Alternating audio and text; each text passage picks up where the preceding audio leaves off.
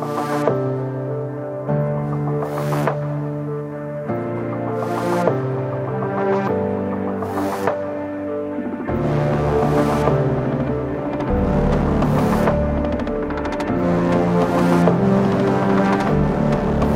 Dzień dobry, zapraszam na kolejny odcinek podcastu z serii Pasmo Bezpieczeństwa, przygotowywanego przez Partnerstwo dla Bezpieczeństwa e, Drogowego. Jest to organizacja pozarządowa, która zrzesza różne podmioty z sektora rządowego, biznesu, organizacji pożytku publicznego oraz mediów.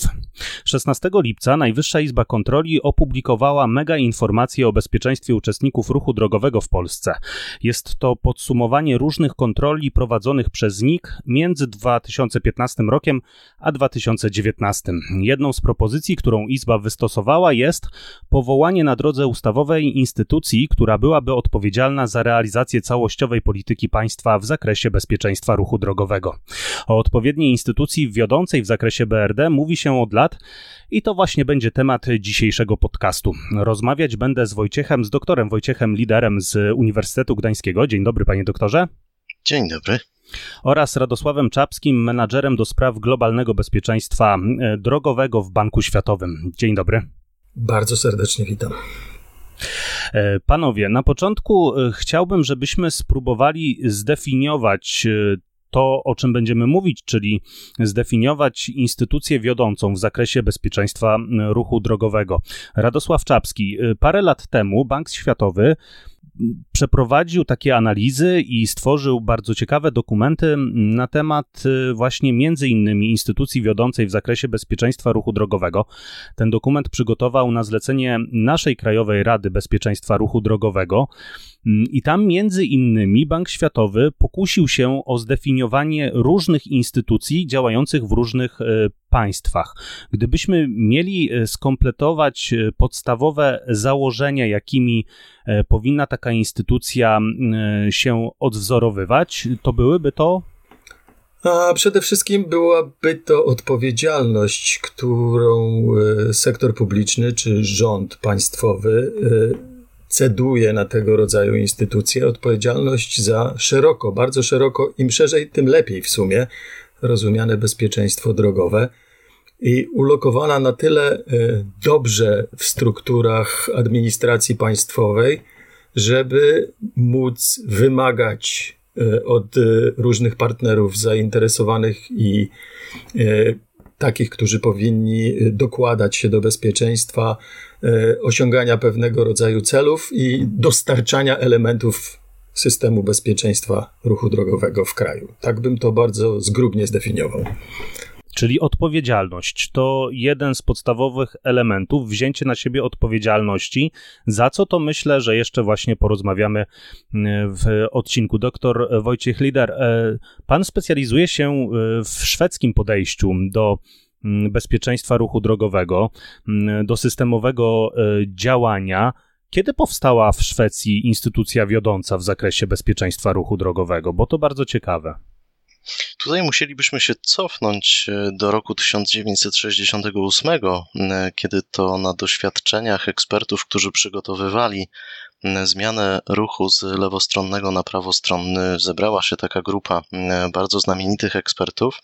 W 1963 roku dokładniej zdecydowano już ostatecznie, że 4 lata później e, nastąpi e, taka zmiana ruchu z lewostronnego na prawostronny. E, zebrano tę grupę ekspertów. Oni świetnie poradzili sobie z tym zadaniem, ponieważ de facto przygotowania trwały owszem kilka lat, ale e, pewnej niedzieli w roku 67 e, o godzinie 4.30 nastąpiło właśnie, nastąpiła kulminacja tej przygotowywanej operacji, e, w której to Szwedzi zmienili e, ruch lewostronny na, na prawostronny. Zajęło to e, w praktyce ostatecznie 10 minut, bo o godzinie 5 już wówczas e, Szwecja była krajem prawostronnym. Jeśli chodzi o ruch drogowy, oczywiście tam zostały cały czas, jeśli chodzi o, o, o kolej, bardzo często został na starych trasach, czy też trasach metra, został ruch lewostronny, aczkolwiek jeśli chodzi o te instytucje, to pierwsze instytucje działały pod auspicjami króla w, od 1968 roku, czyli na kanwie tych doświadczeń dobrych ze zmianą ruchu. No i następnie miały tam miejsce bardzo częste, biorąc pod uwagę mm, ich ilość na, na przestrzeni lat po, po dzień dzisiejszy, e, roszady, jeśli chodzi o, o, o zmianę e, tych instytucji wiodących, jeśli chodzi o ruch drogowy, ruch kolejowy, ruch e, promowy, śródlądowy i ruch lotniczy. Na początku te, te instytucje były rozbite, no i ostatecznie już w 2010 roku powstała instytucja, która istnieje do dziś i która odpowiada za bezpieczeństwo w ruchu drogowym, ale i też innych dziedzinach transportu, czyli Trafikverket. Y, a no właśnie, to już od y, kilkudziesięciu dobrych lat y, w Szwecji działa ta instytucja. Czy tam zrobiono właśnie taki manual, wypisano sobie zadania, kompetencje, którymi będzie zajmować się szwedzka Rada Bezpieczeństwa Drogowego?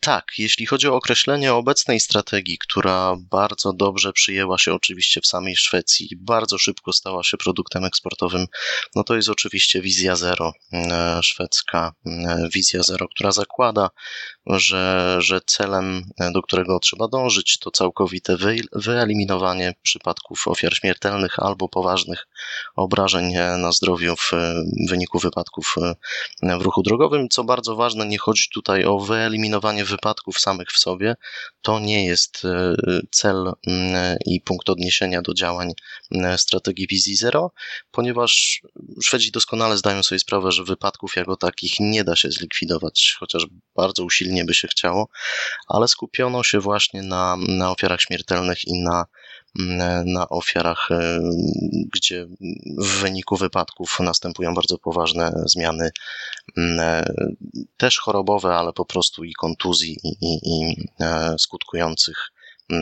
bardzo poważnymi obrażeniami. E, to jest target, jeśli chodzi o te e, strategie i, i temu podporządkowane w zasadzie jest, jest działanie instytucji, czyli de facto mamy tutaj plan, strategię, na początku plan, później strategię, której nie stworzyli inżynierowie, matematycy, fizycy, a stworzyli politologowie na Uniwersytecie w Uppsali E, i która bardzo dobrze została przyjęta przez, przez administrację szwedzką. No i dzisiaj święci, już teraz święci e, triumfy mm, e, w, w Szwecji. Jest adaptowana też przez inne kraje albo pojedyncze stany w Stanach Zjednoczonych. Jest na tyle to... plastyczną strategią, że można ją e, dostosowywać do, do, do warunków regionalnych. To, to, już wizja zero, tak zwana wizja zero szwedzka, czy też skandynawskiego podejścia do bezpieczeństwa ruchu drogowego, to już trochę efekt działania między innymi właśnie Rady Bezpieczeństwa Ruchu Drogowego.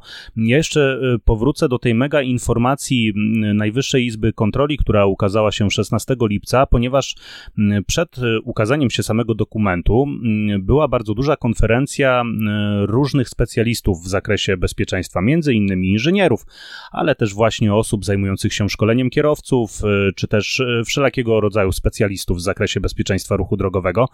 I na tej konferencji padło bardzo, wydaje mi się, że bardzo ważna rzecz padła, jeżeli chodzi o instytucje wiodącą, mianowicie, że powinna to być instytucja niezależna politycznie. Czy ważne jest w jakim e, miejscu struktury państwowej jest ulokowana ta instytucja i czy w ogóle jest możliwe, żeby ona była całkowicie niezależna od wpływów e, polityków e, rządzących państwem w danym okresie, oczywiście. Radosław Czapski.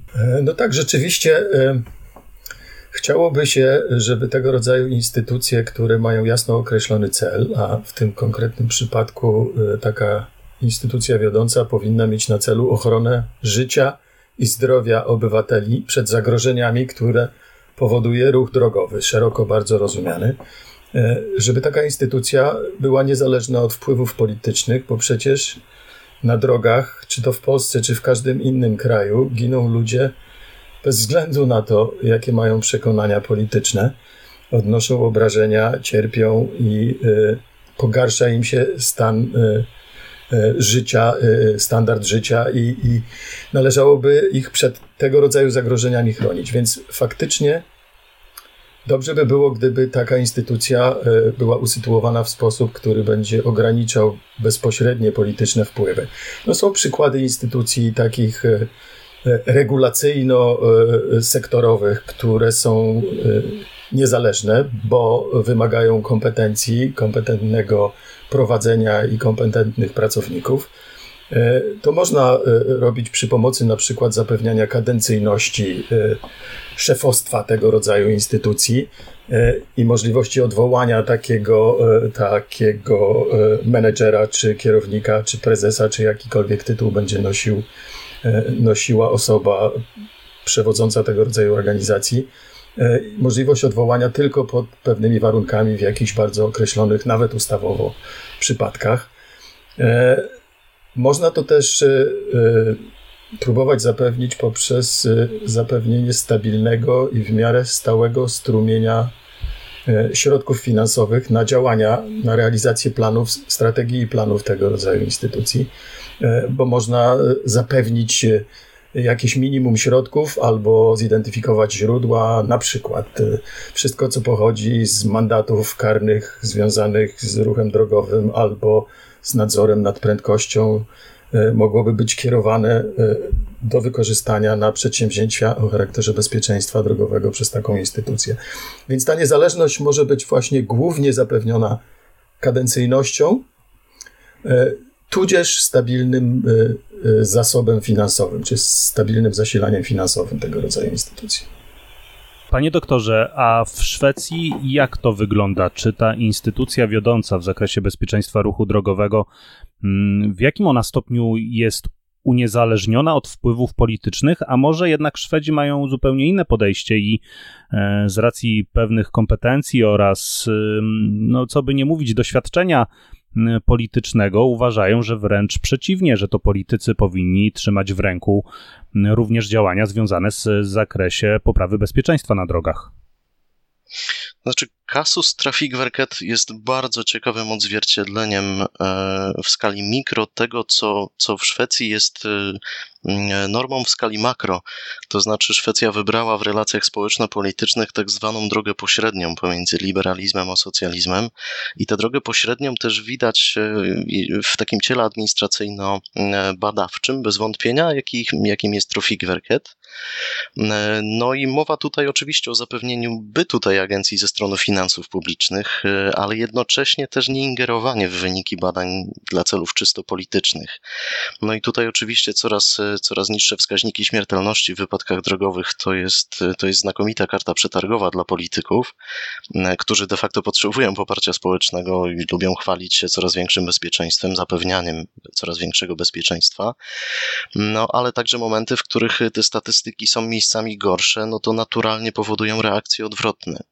I tutaj na straży stoją akty prawne wchodzące w skład Konstytucji Szwecji, e, które zapewniają przejrzystość życia publicznego, ale i w ogromnym stopniu zmniejszają ryzyko jakiegokolwiek tuszowania gorszych statystyk.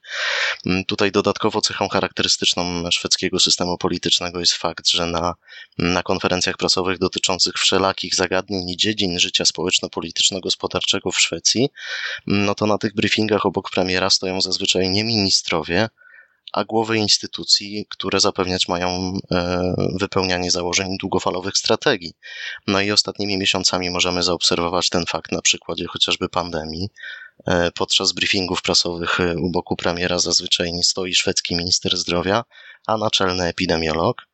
E, no i podobnie ma się sprawa w odniesieniu do, do bezpieczeństwa ruchu drogowego. Tutaj w przypadku prezentacji danych i stopnia wdrażania strategii bezpieczeństwa ruchu drogowego u boku premiera występuje zazwyczaj wysoki przedstawiciel Trafik Verket, a nie sam minister infrastruktury. No i taki stan rzeczy wynika przede wszystkim z założeń e, szwedzkiego modelu welfare state, e, w którym ogromną rolę która jest niepodważana przez zmieniających się w kadencjach polityków. E, ogromną rolę mają eksperci danych dziedzin. No i z punktu widzenia profitów czysto politycznych, e, to daje też możliwość pochwalenia się ewentualnymi sukcesami, ale jednoczesnego odsunięcia się od skojarzeń z porażkami. No bo w końcu to ekspert ma czuwać nad naszym bezpieczeństwem. Panie doktorze, a kto jest przewodniczącym szwedzkiej Rady Bezpieczeństwa Ruchu Drogowego? Czy to jest ktoś z polityków, czy to jest ktoś ze specjalistów, czy to jest właśnie inżynier? Celowo określiłem to jako, jako, jako kogoś, e, no może nie dygnitarza, bo to pejoratywnie nacechowane, ale osobę, która po prostu jest stricte z tym związana. To nie zawsze musi być jakiś kierownik, dyrektor, e, tylko po prostu jest, jest to bardzo często osoba, która odpowiada za to w praktyce. Okej, okay, czyli, czyli pewnego... nie tylko przeci przecinanie wstęg, ale też e, po prostu praca taka u podstaw. Okej, okay, czyli pewnego rodzaju specjalista z zakresu bezpieczeństwa ruchu drogowego, tak takiego jest. systemowego podejścia, ale, ale nie z konkretnej y, jakiejś dziedziny, tylko po prostu osoba, która zna temat, y, powiedzmy, od podszewki. Y, tak to, tak to można określić. Y, Radosław Czapski, czy są jakieś jakieś badania, dokumenty pokazujące, że powołanie dobrze działającej instytucji wiodącej w tym zakresie Mm, wpływa na poprawę ruchu drogowego, takie namacalne, mm, że faktycznie y, do tej pory, powiedzmy, jakaś rada źle działała, e, zmieniliśmy ją, udoskonaliliśmy, e, powołaliśmy grono specjalistów, no i w okresie powiedzmy pięcioletnim widać efekty w postaci zmniejszenia liczby zabitych oraz samych wypadków drogowych. E, no, Szwecja jest jednym z bardzo spektakularnych tego rodzaju przykładów. Wiele jest przykładów z krajów tak zwanych rozwiniętych, y, y, właśnie ze Szwecją na czele, ale także e, z daleka z Australii. Tam, co prawda, zwykle na e, poziomie stanów australijskich tego rodzaju instytucje funkcjonują bardzo sprawnie. Czy też w Nowej Zelandii. E, jak się popatrzy na wykresy śmiertelności e, z powodu wypadków drogowych albo ilości obrażeń, to w momencie, kiedy pojawia się tego rodzaju instytucja w systemie administracji e, i zaczyna odpowiadać naprawdę za poprawę bezpieczeństwa i egzekwować od różnych partnerów w tych zadaniach ich działania w tym zakresie, to natychmiast y, zauważa się bardzo wyraźny spadek tego rodzaju e, obrażeń i śmierci na drogach. E, to się wiąże zwykle z tym, że w oparciu o strategię i rozpisany na głosy instytucjonalny plan, zaczynają się zmiany w systemie zarządzania bezpieczeństwem drogowym y, w różnych miejscach tego systemu. E, I one przekładają się szybciej lub wolniej, jedne szybciej, inne wolniej, na poprawę bezpieczeństwa, ale jeśli taka instytucja konsekwentnie działa i konsekwentnie realizuje tego rodzaju plan działań oparty o długofalową strategię, no to po dwóch, trzech latach pojawiają się dość spektakularne wyniki, a po, po pięciu, dziesięciu są one bardzo spektakularne. To jest do wykazania na, na wielu przykładach z wielu krajów świata. Także krajach tak zwanych rozwijających się, czy czy może nawet powiedzmy postsocjalistycznych.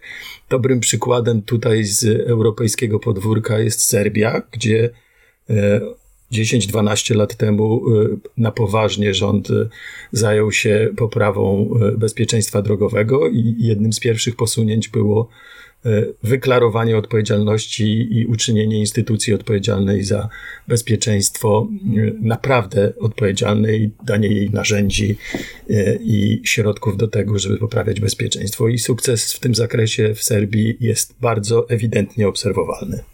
A no właśnie, to jest bardzo ciekawa rzecz, bo nie wystarczy odpowiednio ulokować, czy też zapewnić e, działalności poprzez odpowiedni budżet, czy sprawić, żeby ta e, rada była w możliwie najbar- największym stopniu niezależna od wpływów politycznych, od, pewnego, od pewnych struktur politycznych, e, ale też dać narzędzia nie tylko, myślę, stworzenia planu odpowiedniego, ale w pewien sposób wymuszania, i tu znów wracam, wydaje mi się, od polityków, żeby ten plan e, wprowadzać. Zastanawiam się, co w przypadku, jeśli taka Rada Bezpieczeństwa Ruchu Drogowego stworzy odpowiedni plan działania, zdefiniuje problemy, zdefiniuje rozwiązania, no ale nie spotka się to z poklaskiem właśnie polityków, czyli osób, które będą musiały w pewien sposób ten plan wdrażać. Radosław Czapski, czy tutaj też doświadczenie pokazuje, jak radzić sobie na tym poziomie niezgodności pomiędzy chęcią poprawy i planem działania stworzonym przez Radę, a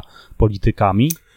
E, wydaje się, że, że taka, jak już próbowaliśmy zdefiniować, niezależność tego rodzaju instytucji albo odpowiednio silne ustawowe umocowanie jej w strukturze administracyjnej państwa i, i, i odpowiedzialność przed najwyższymi organami państwowymi. Y, pewnie w polskim systemie mógłby to być premier i nawet parlament, y, mogłaby pomóc w tego rodzaju konfliktach, bo politycy mogliby że tak powiem, podpierać się koniecznością wprowadzania w życie niektórych rozwiązań, właśnie dlatego, że tego rodzaju instytucja E, i dowody e, ze stosowania tego rozwiązania na świecie e, wykazują, że są to skuteczne rozwiązania. No tu pierwszy z brzegu przykład to są oczywiście ograniczenia prędkości, które w Polsce bardzo się cieszą złą sławą,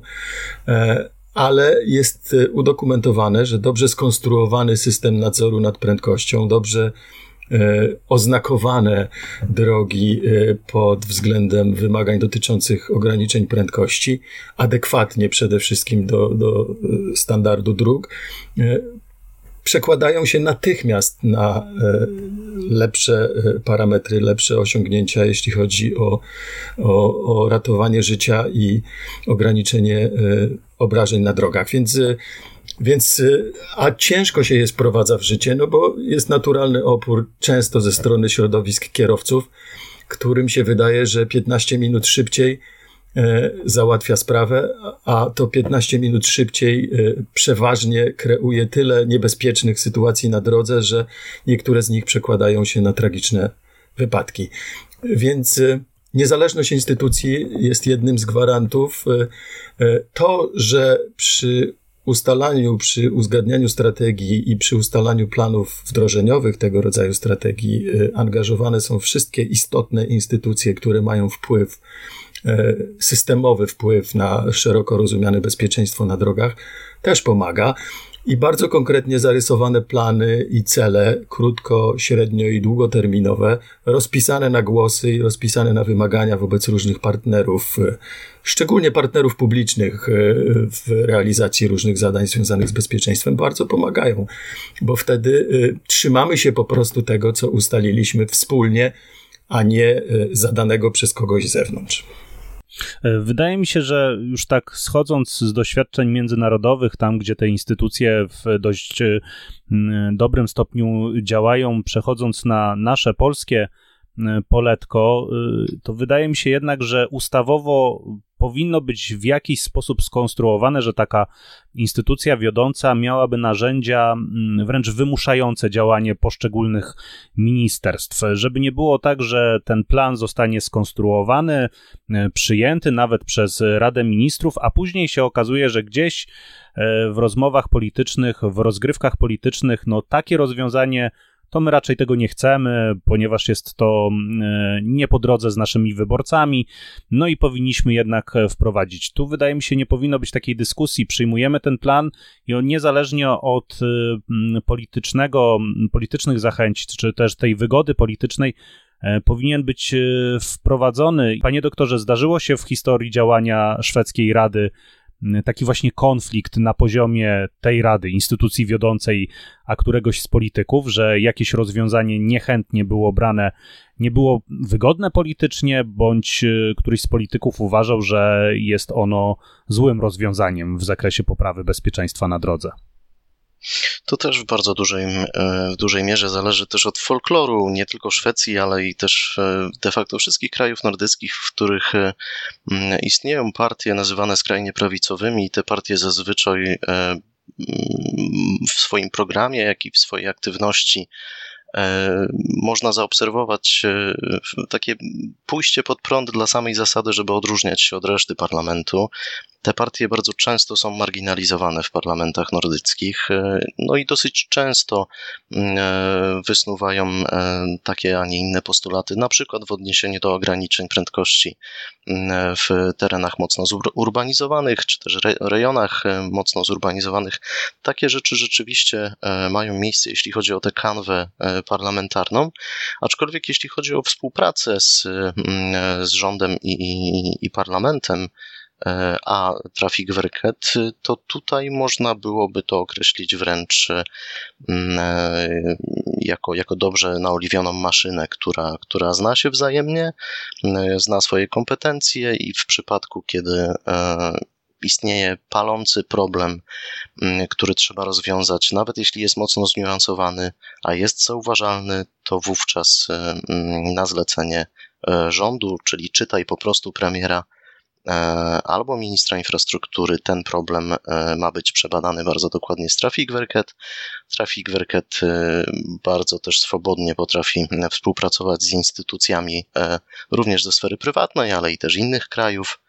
E, także ta, ta, ta maszyna dobrze naoliwiona rzeczywiście w praktyce e, bardzo dobrze działa. Jeśli chodzi o takie, znaczy trudno powiedzieć e, niuans o, o, o pewnym wzroście statystyk ofiar śmiertelnych będących samobójcami w ruchu drogowym, a który to problem pojawił się w ostatnich latach w Szwecji, no to trudno nazwać to, to jedynie niuansem, ale jest to oczywiście bardzo, była to bardzo ważna kwestia, e, nad którą pochylił się e, oczywiście też Traffic Werket i też e, już ten proces proponowania zmian również, również zadziałał, ma miejsce.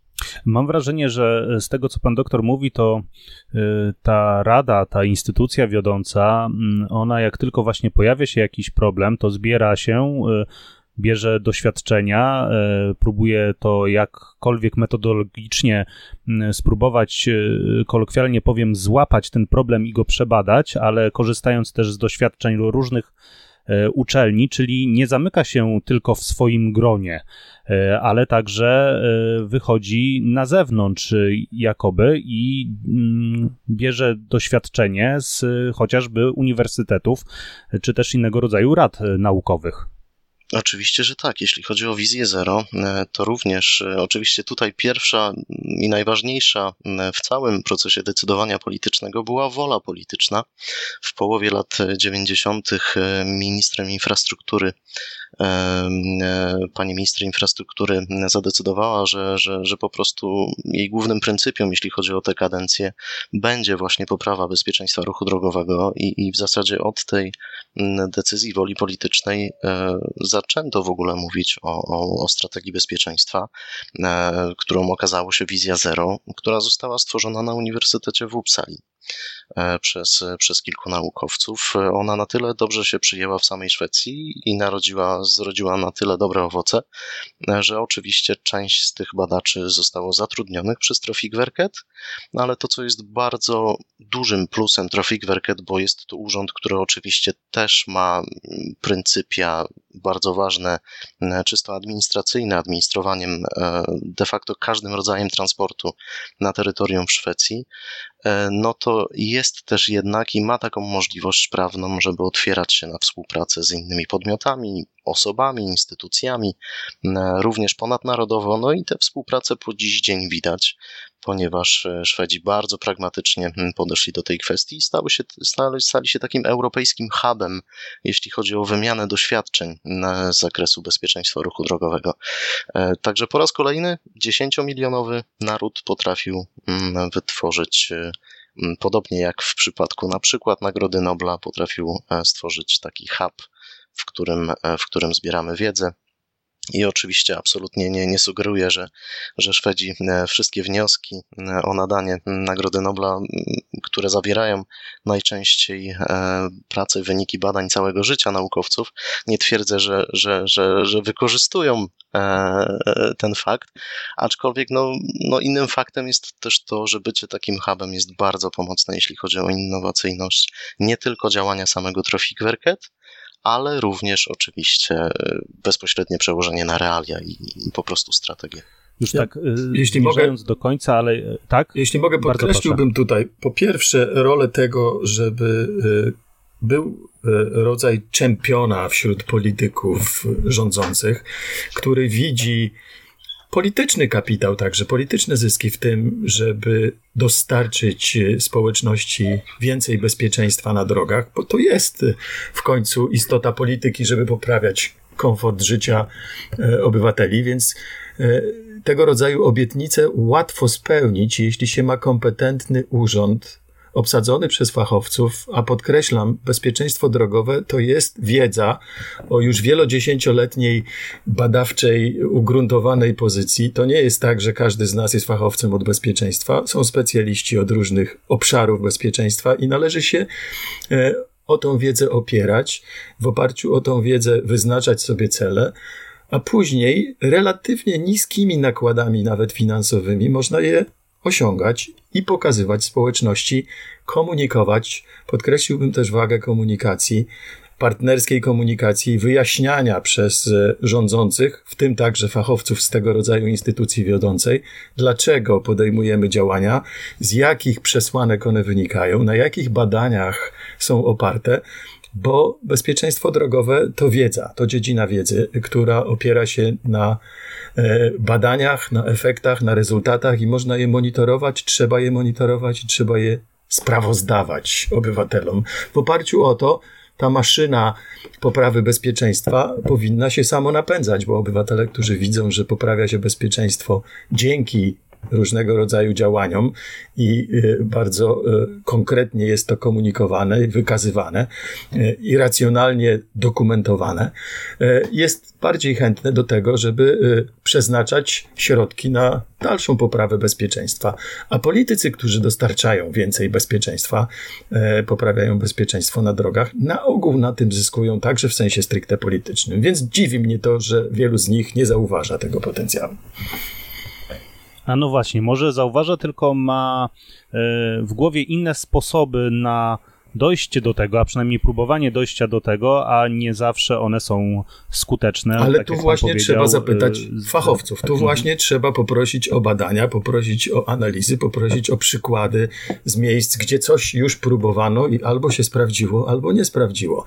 E, warto nie popełniać błędów, które popełnił już ktoś przed nami a no właśnie wyciągać też e, wnioski i korzystać z tego, bo tak jak pan powiedział, e, większość rzeczy związanych z ruchem drogowym została przebadana e, i ta wiedza już obecnie istnieje, jak należy działać, aby bezpiecznie było na drodze. Na koniec chciałem zapytać jeszcze o jedną rzecz, ponieważ w naszej rozmowie padło stwierdzenie, że aby nadać w pewien sposób niezależność tej instytucji wiodącej, to powinna ona być odpowiednio finansowana. A czy są przykłady co to znaczy to odpowiednie finansowanie? Czy to na przykład powinno być przełożone do chociażby mm, kosztów związanych z wypadkami drogowymi, jakie one generują mm, w okresie rocznym i w takim stopniu y, taka rada powinna być y, finansowana? E, albo są inne przykłady. Radosław Czapski. E, oczywiście można e, różnie podchodzić do odpowiedniości finansowania i te finansowe aspekty działania struktur, które nazywamy umownie instytucją zarządzającą, e, są bardzo zależne od kontekstu budżetowego, kontekstu e, ogólnie funkcjonowania finansowej strony sektora publicznego, ale e, to, co się sprawdza, to co najmniej średnioterminowe budżety dla tego rodzaju instytucji na działania związane zarówno z samym funkcjonowaniem, prowadzeniem badań, analiz, monitorowaniem stanu bezpieczeństwa. To jest absolutnie podstawowy element funkcjonowania tego rodzaju instytucji. E, następnie na zestaw projektów, przedsięwzięć, które realizuje taka instytucja e, pod swoim własnym projektowym nadzorem. E, kolejnym rodzajem działań, na które są potrzebne e, środki, to jest rodzaj e, działań, które wykonywane są wspólnie, czy we współpracy z instytucjami innymi niż sama instytucja wiodąca. Są systemy, w których instytucja wiodąca proponuje działania partnerom i asygnuje część kwoty, załóżmy połowę kwoty, która jest niezbędna do przeprowadzenia jakichś przedsięwzięć, e, apelując przy tym do swojego partnera czy swoich partnerów o pozostałe środki na tego rodzaju działanie. E, więc można to zorganizować także w ten sposób, że są to, niektóre z tych przedsięwzięć są współfinansowane. Z jednej strony przez taką instytucję wiodącą, z drugiej strony przez konkretną instytucję odpowiedzialną, na przykład za zapewnienie e, szybkiego dostarczenia rannych e, i ofiar poszkodowanych w wypadkach drogowych do systemu ochrony zdrowia. I wreszcie są też systemy, w niektórych stanach w Australii są takie systemy, w których środki z ubezpieczeń są kierowane za pośrednictwem tego rodzaju instytucji na przedsięwzięcia skierowane na poprawę bezpieczeństwa drogowego. Często też w niektórych krajach rozwiniętych instytucja ta jest konsultowana, jeśli chodzi o wydatkowanie pieniędzy na poprawę infrastruktury drogowej. Już całkowicie na koniec e, chciałbym jeszcze zapytać e, doktora Wojciecha Lidera, e, jak wygląda finansowanie w Szwecji, bo to dość istotne. My w Polsce bardzo lubimy rozmawiać e, o pieniądzach, e, bardzo lubimy rozmawiać e, o tym, ile wydajemy na to albo na takie działanie, a jak jest w Szwecji. Czy tam właściwie temat pieniędzy jest ważny, jeżeli chodzi o funkcjonowanie Rady Bezpieczeństwa, szwedzkiej Rady Bezpieczeństwa? Oczywiście temat pieniędzy zawsze jest ważny. Tym jest łatwiejsze to Mm, śledzenie wydatkowania tych pieniędzy, no i skutkowości e, tego e, wydatkowania, ponieważ jest to system, system bardzo, bardzo przejrzysty. Jeśli chodzi o Trafikverket, to, to, to w przypadku Szwecji na przestrzeni lat obserwowaliśmy mm, takie bardzo duże ujednolicanie organizacyjne administracji zarządzającej drogami, koleją, ruchem lotniczym i ruchem śródlądowym, morskim. E, I tym samym w 2010 roku, kiedy scalono wszystkie te instytucje rozbite jeszcze do 2010 roku, no to pierwszy budżet Traffic był budżetem szacunkowym. Na podstawie tej wydatkowości tych pojedynczych e, instytucji, które zostały scalone w Traffic no i jako, że Traffic pełni nie tylko rolę czysto administracyjną, ale i obsługuje inwestycje infrastrukturalne, to ten budżet jest z roku na rok e, no, na nowo formowany, zgodnie z, z, z dwuletnimi strategiami inwestycyjnymi. Mm, no i z kolei ustalanie nakładów na same działania zmierzające ku, ku bezpieczeństwu ruchu drogowego, no one również wymagają nieustannej pracy i korekty. E, Traffic Werket jako, jako agencja nastawiona bardzo pozytywnie do nowinek prawnych, organizacyjnych, technologicznych, no znajduje się w takim stale dynamicznym środowisku, które wymaga niekiedy większych nakładów. No i każdy w Szwecji zdaje sobie tam sprawę mm, w, w administracji, że, że bezpieczeństwo ruchu drogowego nie jest rzeczą, która jest dana raz na zawsze. E, każde takie zaniechania mogą skutkować wzrostem liczby ofiar e, oraz kosztów wypadków, o których już, mm, już wspominaliśmy, no ale także faktem zwiększania kosztów powrotu do, powrotu do chociażby statusu quo sprzed zaniechania. E, takie zaniechania z czasem mogą kosztować jeszcze więcej. E, także Szwedzi nauczeni już tymi doświadczeniami wieloletnimi mm, pod kątem bezpieczeństwa ruchu drogowego, no zdają sobie sprawę, że czasem te nakłady muszą być większe, ale jest to na tyle sprytnie i uczciwie, bądź co bądź, e, e, usystematyzowane, że, że po prostu jest to powiązane też z działalnością inwestycyjną w budowy czy też modernizacji albo przebudowy infrastruktury, bo jeśli chodzi o samą strategię wizji zero, ona też rozgranicza pewne działania zmierzające ku zwiększeniu bezpieczeństwa ruchu drogowego na te, które generują mniejsze koszty, ale i na te, które są znacznie znacznie e, bardziej, e, znacznie, znacznie droższe. I tutaj mam na myśli e, chociażby kampanie medialne, które są no, no tańsze niż przebudowa, stworzenie bezkolizyjnych przejść dla pieszych, czy też przejazdów rowerowych na odcinkach dróg. Także mamy tutaj działania no, no, no wielotorowe i te, które są E, które są e, droższe i tańsze de facto. Czyli gdybyśmy mieli wypunktować, jak instytucja wiodąca w zakresie bezpieczeństwa ruchu drogowego powinna wyglądać, to przede wszystkim możliwie niezależna od politycznie, chociaż oczywiście współpracująca z politykami, ulokowana e, możliwie najbliżej przy premierze, czy też czempionie politycznym, to tak jak Radosław Czapski to określił, bardzo dobrze finansowana w zależności od potrzeb i kompetencji, jakie zostaną nadane mm, tej instytucji wiodącej, nie bojąca się e, wychodzić e, poza swoje grono, czyli korzystająca z wiedzy naukowej, czy też zlecająca nawet pewnego rodzaju, rodzaju badania naukowe innym instytucjom oraz w odpowiedni sposób e, e, komunikująca, dlaczego dane rozwiązania są potrzebne w państwie, poprawiające bezpieczeństwo ruchu drogowego e, i właśnie pokazująca, że te rozwiązania zostały przebadane, są sprawdzone i mamy pewność, że one zadziałają. Coś panowie by dodali jeszcze do tego?